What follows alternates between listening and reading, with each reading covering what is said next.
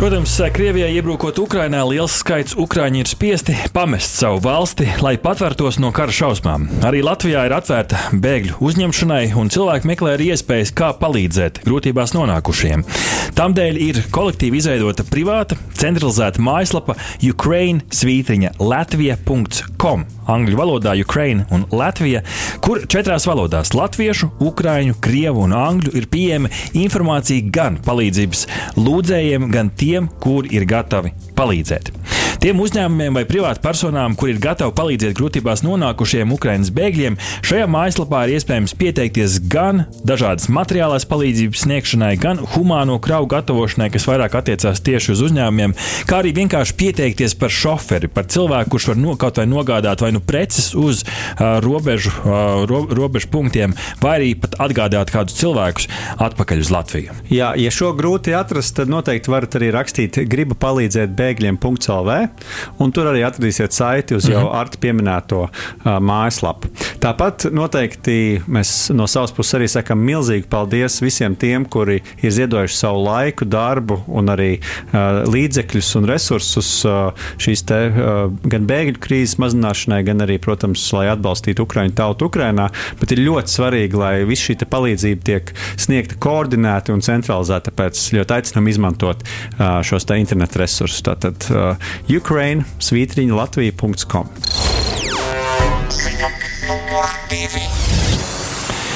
Sāsinoties kara darbībai Ukrajinā un arī palielinoties kiberdraudiem internetu vidē, palielinās arī viltus ziņu skaits. Esiet uzmanīgi, jo mūsdienās kara video spēļu attīstība ir pietuvinājusi tās tik ļoti realitātei, ka dažkārt to var praktiski sajaukt ar īsto dzīvi. Piemēram, šeit kāds spī- spilgts piemērs video kadri no spēles Arma 3. Pat ir izpelnījušies milzīgu popularitāti, kā internetu vidē, tā man šeit arī vienā no ārzemju ziņu, ziņu mēdījiem, tiekot uzdotiem par reāliem notikumiem. Konkrētajos video spēles kadros redzams, kā naktī sauszemes spēka apšauda lidmašīnu, un zem tās pievienots uzraksts Ukraina veids apšaudi, lai pārtvērtu Krievijas uzbrukošo lidmašīnu. Pirms video tika, tika atzīmēts kā maldinošs, tam Facebook platformā bija jau vairāk kā 110 tūkstoši skatījumu, un cilvēki to ar to bija dalījušies 25 tūkstošu reižu. Par to vēsta portāls Kosatku. Uh, Klausītāji, un šī nav pirmā reize, kad uh, uh, ir, ir šādi te, gadījumi, un kad Arma 3 kadri ir tikuši nepatiesi izmantot. Jo iepriekš Krievijas ziņu avotos 2018. gadā spēles kadri tika uzdoti atspoguļojot notikumus Sīrijā. Šis ir vēl viens atgādinājums tam, ka šajos apstākļos vajag pārbaudīt satraucošo ziņu avotus, pārbaudīt pašu satura kvalitāti, vai nav kādas paviršas kļūdas, kas nodod to kā viltus materiālu, un nekad nenāk par ļaunu pārbaudīt, vai par to runā arī citi leģitīmi ziņu avoti. Ziņa Google un Apple Maps ir īslaicīgi atslēguši satiksmes izsekošanas funkciju Ukrajinā, lai pasargātu vietējos iedzīvotājus. Sastrēgu noteikšanas funkciju eh, izmanto, eh, izmanto anonimizētus atrašanās vietas datus, lai vienkārši parādītu lietotnē uz ceļiem, cik ļoti noslogoti tie ir. Atvērto datu eksperts, starp citu, jau pagājušās nedēļas ceturtdienā novēroja visai neierastus satiksmes sastrēgumus tieši pie Ukrainas robežas Google Maps lietotnē. Civili iedzīvotājiem visticamāk nonākot militāro konvoju radītos sastrēgumos, par to vēstīja portāls The Verge. Nu, Šāda veida publiskā informācija var arī tikt izmantot, protams, kara darbības nolūkos, lai saprastu, kur cilvēki plūst un pārvietojās.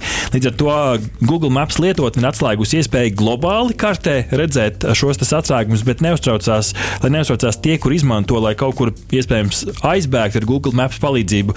Jo šajā te režīmā, kur tu vienkārši navigējies, esot mašīnā, šeit joprojām arī sastrēgumi tiks ņemti vērā, aprēķinot ā, iespējamos ceļus un līdzīgi soli spēles, spērs arī Apple Maps. Jā, nu nevainīgi loko, lokācijas dati ir izrādījušies nodevīgi arī iepriekš. Eh, 2017. gadā eh, digitālajās brokastīs vēl radio un ap viļņos stāstījām par strava lietotni un ASV karavīriem. Lai uzturētu sevi fiziski labā formā, militārajās bāzēs dzīvojušie karavīri devās skrējienos apkārt militārai bāzei. Strava lietotnē ir ieslēdzama funkcija, kur fiksē populārākos skriešanas maršrutus. Rezultātā šķietami nekurienes vidū pēkšņi parādījās populāri skriešanas maršruti, atklājot slepeno bāžu atrašanās vietas. Ziņa numur četri. Hakeru grupējums Anonymous ir pieteicis kiberkaru Krievijai, reaģējot uz tās agresiju Ukrainā. Aizdītās svētdienas rītā Anonymous savā Twitter kontā publiskoja video materiālu, kurā draudēja Putinam, ka kiberuzbrukumi tikai turpināsies un kļūs arvien spēcīgāki, pārņemot arī Krievijas infrastruktūru un atklājot dažādus noslēpumus. Par to ziņo portāls Kursors. Līdz šim grupējumam ir izdevies uzlauzt dažādas Krievijas varas iestāžu mājaslapas un tikklāt arī Krievijas TV pārraidēm, kur tika atskaņot arī Ukraiņas himna. Paralēli gan anonimas darbībām, gan Latvijā, gan Ukrainā tiek pulcēti šādi kiber aizsardzības spēki. Starp citu, ja jums interesē Latvijā ar savām zināšanām nākt talkā zemesardzē, tad aicinājums pieteikties arī kiber, kibersardzē nāk arī no Latvijas Informācijas un komunikācijas tehnoloģija asociācijas. Sīkāk, ja gribat uzzināt kaut ko, sūtiet savu CV un motivācijas vēstuli uz e-pastu kibersargs at mii.lv. Jā, sīkāk par grupējumu, Anonymous hacker darbībām un kiberzemesardzi iztaujāsim raidījuma noslēdzošajā darba, daļā tehnoloģiju drošības speciālistu Kirillu Solojo. Tā kā palieciet kopā ar mums, vai arī noklausieties atsevišķo šo sadaļu tieši uh, intervijas izgriezumā. Ziņa numur 5.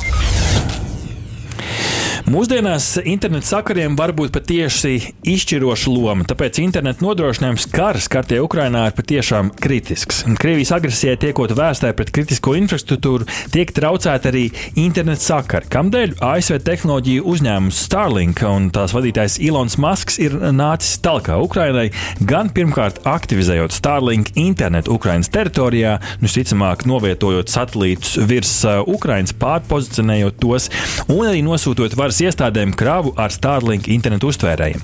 Starlink uztvērēji, protams, nav pilnībā aizsargāti no fiziskajiem un kiberuzbrukumiem. To priekšrocība salīdzinot ar tradicionālo ir tāda, ka viņi sazinās ar satelītiem, kas ir debesīs, līdz ar to tur nav vadu savienojums, bet reizē tas arī ir šo satelītu šķīvīšu uh, posts, jo viņiem ir jābūt atklātā vidē, uh, lai tie nav nekādi traucēkļi. Jā, Starlink internets vēl ir tā sākotnējā stadijā. Šobrīd debesīs esot palaistiem 2000 satelītu, un uh, tam ir 145,000 aktīvo servisu lietotāju. Nu, jāatzīst, ka saņemam tādas ziņas, ka Starlink internets varētu būt pieejams arī Latvijā jau šajā gadā, bet uh, visticamāk prognozes vēst, ka tomēr, tomēr to sagaidīsim tikai 2023. gadā. Jā, pa kluso mājaslapā nomainījies no 22. gada uz 23. Tā kā gaidīsim arī Latvijā. Ziņa numur 6. Nedaudz uh, vieglāks saturs uh, digitāla brokastu ziņu turpinājumā no sociālā tīkla TikTok, kas Rihards ir pagarinājis savu video garumu, kas ir spēlējams šajā platformā līdz desmit minūtēm. Platforma šo uh, soli pamato ar to, ka viņi vēlās dot uh, šiem satura radītājiem lielāku brīvību, kā ziņo portāls Sīnet. Un, protams, no biznesa viedokļa raugoties, katra minūte, ko viņi iegūst no saviem lietotājiem, ir kāda minūte viņu statistikā kopumā sacenšoties ar YouTube, Instagram, Facebook un citiem, uh, citām platformām. Nu, un šo platformas izaugsme bija acīm redzama, jo, piemēram, viens no skaitļiem, kas to liecina, 21. gadā nopelnījuši 4,6 miljardus ASV dolāru, un arī lietotāju skaits turpinās tikai augt. 22. gada prognozē esot, ka gada beigās 1,5 miljardi lietotāju. Jā, ar tiem klausītājiem no 15 sekundēm sākotnēji uz 60 sekundēm. Tad no 1 minūtes līdz 3 minūtēm, un tagad jau 10 mm. minūšu gari video. Uh, tiešām mainās pašas platformas specifika pavisam noteikti. Vēl šeit ir tiešsaistes video, kas tieši ir pienākuši tā, klāt. Tieši tā arī tie nākuši klāt. Nu, jā, lai gan uh, jāatzīst arī, ka šis varbūt patiesībā loģisks solis, jo arī jau līdz šim platformā bija novērojams, ka tā vietā, lai platformā ievietotu vienu garu video, kurš, kas nebija vienkārši 3 minūtes piemēram. Jā, jā bet, bet uh, tagad ievietoja trīs video, kas bija katrs trīs minūtes gari un vienkārši bija skatām viens pēc otra. Nu, tagad bija jāklikšķina tā manuāli, tagad vienkārši. Tā, tagad varēs noklausīties visu, visu vienā, vienā piegājienā. Ziņa numur 7. Tehnoloģiju uzņēmums Bosch paziņojis par plāniem vēl vairāk investēt pusvadītāju ražotnes izveidē Vācijā un Malaizijā. Kā stāsta portāls Kursors, jau pērn uzņēmums ziņoja, ka 22. gadā investēs 400 miljonus eiro, un šobrīd ir nācis klajā paziņojums, ka vēl papildus šiem 400 vēl 250 miljoni eiro investīcijas, lai izveidotu šīs ražotnes. Protams, tas ir atsaucoties uz pasaules lielo pieprasījumu. Nākamo trīs gadu laikā šī rūpnīca tikšot pabeigta un radot vēl papildus 3600 kvadrātmetrus šajā lielai, lielajā rūpnīcā. Arī, protams, tas nav tūlītējs glābiņš, jo mēs šos visticamāk pusvadītājus, kas ir ražotais skaitā arī Vācijā, nedabūsim vēl kādu, kādu laiku. Šis pieprasījums tikai turpinās augt, un autoražotāji jau ir brīdinājuši, ka problēma, kas viņus ir skārusi, šī nespēja saražot atbilstoši pieprasījumiem varētu ielikt arī līdz 23. gadam. Jā, nu šeit arī jāpiemina, ka daži dažādi eksperti, arī kad mēs veidojām pagājušā gada tendenci apkopojumu, tieši norādīja, ka pusvadītāju trūkums ir bijis viens no galvenajiem tendenci veidotājiem digitālo brokastu raidā, raidījumā pērnā gada, pērnā gada atskatā.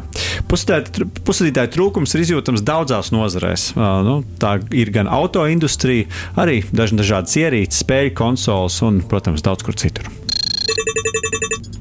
Ziņa numur 8. Tehnoloģija uzņēmums Apple ir saņēmis patenta apstiprinājumu klaviatūras un personālā datora apvienojumam. Kā liecina portāla kursors publicētās fotogrāfijas un apraksts, tad klaviatūra atgādina vizuāli jau esošo Apple Magic Keyboard klaviatūru, kurai iekšā ir iebūvēts arī dators. Klaviatūras rāmī būšot iekšā gan processors, gan akumulators, gan atmiņu un pieslēguma vietas, un, protams, ierīcē būs nepieciešams arī ārējais monitors. Tas komplektā iespējams, ka varbūt nāks, ja kādu dienu šāds produkts būs, bet idejiski dators dzīvo klaviatūrā, nevis, nu, kā redzēts, piemēram, ka dators dzīvo ekrānā iekšā. Tāpat arī patentā minēts, ka šo klaviatūru iespējams pat varēs salocīt, tad jau laiks rādīs, un varbūt tam virsū būs skāriņu jutīgs panelis, bet tās jau ir spekulācijas. Jā, nu kas zina, varbūt kādam Apple izgudrotājam saplīs portatīvā datora ekrāns, un tad, lai izlīdzētos, viņš pieslēdz to pie parastā datora ekrāna un radās Voila. jauna, jauna produkta ideja. Bet nu, tas, ka, tas vien, ka ir saņemts šāds patenta apstiprinājums, vēl, protams, neko nenozīmē, bet ir interesanti redzēt, kādos virzienos potenciāli varētu attīstīties uh, tehnika. Piemēram, mēs esam stāstījuši par to, ka bija Apple arī jau ir pieteicis savu patentu salokamajam vietālurim, bet joprojām tādu nesam redzējuši redzējuši tikai entuziastu skices. Nu, varbūt kādu dienu arī šī klaviatūra dators piepildīsies, varbūt nē, to rādīs tikai laiks. Kit? Kit, talk to me! Ziņa numur 9. Tehnoloģija uzņēmums Honor izziņojis austiņas Earbuds 3 Pro. Ar ko tad šis ir īpašs un kāpēc mēs par tām stāstām? Jo tajās ir iebūvēta temperatūras mērīšanas funkcija, kas austiņu tirgu ir patiešām kaut kas neredzēts. Austiņām ir arī adaptīvā skaņas slēpēšanas funkcija, kā mūzikas klausīšanās, tā zvanu veikšanas laikā. Bet, ja mēs runājam tieši par šo te temperatūras mērīšanu, tad trīs reizes pieskaroties austiņām, tās izmērīšot tavu temperatūru konkrētajā brīdī. Un, kas ir interesanti, tam būs arī tāda pasīvā temperatūras mērīšana, lai noteiktu neierastus temperatūras nu, lēcienus vai kritumus, kā ziņo portāls The Verge. AirPods 3, 3 Pro austiņas, kuras vizuāli ap citu līdzinās Apple mm -hmm. AirPods Pro, nepretendē uz medicīniskas iekārtas precizitāti, bet uh, noteikti iezīmē jaunu tendenci austiņu tirgu, un mēs varam sagaidīt, ka šīs ievietojamās ierīces ar vien vairāk uh, savāks dažādus datus par mūsu veselības stāvokli, un tad nu, kopā ar daž, dažādām citām viedierīcēm, veidojas tā pilna aina. Rokām un mm. citur, tad uh, tieši tā veidosies piln, pilns skats uz mūsu veselības stāvokli. Uh, starp citu, līdzīgi produkti pāris gadus atpakaļ, kā ideja prototipam atrādīja apvienotās karalistes jaunu uzņēmums Bodytrack, bet eh, tā arī viņa produkts līdz tirgum nenonāca. Ziņa numur 10. Noslēdzot tehnoloģiju eh, ziņu apkopojumu šajā nedēļā, Zviedrijas uzņēmums eh, Candle radīs jaunu konceptu motorlaivai, kuri te vai levitē virs ūdens. Elektriskās motorlaivas korpus uzņemot lielāku ātrumu paceļas virs ūdens, pateicoties laivai pievienotiem zemūdens spārniem. Tie risina laivu neefektivitātes problēmu, un, protams, viļņus šķeļot tiek patērēts liels enerģijas daudzums. Kā tad strādā šis zemūdens spārns? Tāpat kā gaiss, kas pārvietojas pār lidmašīnas spārnu, rada tādu nu, pacēlumu, arī ūdens, kas iet pāri zemūdens spārnam, stumj laivu uz augšu no ūdens virsmas, tāpat samazinot, kas ir interesanti, pretestību par aptuveni 80%. Abrīnojums enerģijas ietaupījums. Rezultātā Candle C8 motorlaiva pēc divu stundu uzlādes varēšot veikt aptuveni 80 km garu distanci, kā raksta portāls Sinet. Laiva, kas paceļas virs ūdens, kaut ko tādu varētu iedomāties tikai futūristiskās filmās, bet apakšā patiesībā nu, gudra doma, ja vienkārši fizika. Samazinot bērnu ar ūdeni, tiek samazināta enerģija, kas vajadzīga, lai pārvietotos. Sapratu, parastās motorlaivas pēc Kendela pārstāvja teiktā, esot viens no neefektīvākajiem transporta līdzekļiem. Sapratu, konvencionālās motorlaivas patērē 15 reizes vairāk degvielas uz kilometru kā parasta ģimenes automašīna. Nu, tā ziņo Kandela pārstāvja. Aha! Paldies, ka noklausījāties mūsu līdz galam! Ja patika, uzspiediet laiku, atstājiet komentāru vai padalieties ar draugiem. Un nobaudiet arī citas epizodes, kā arī sekot mums, lai nepalaistu garām savu ikdienas tehnoloģiju ziņu devumu.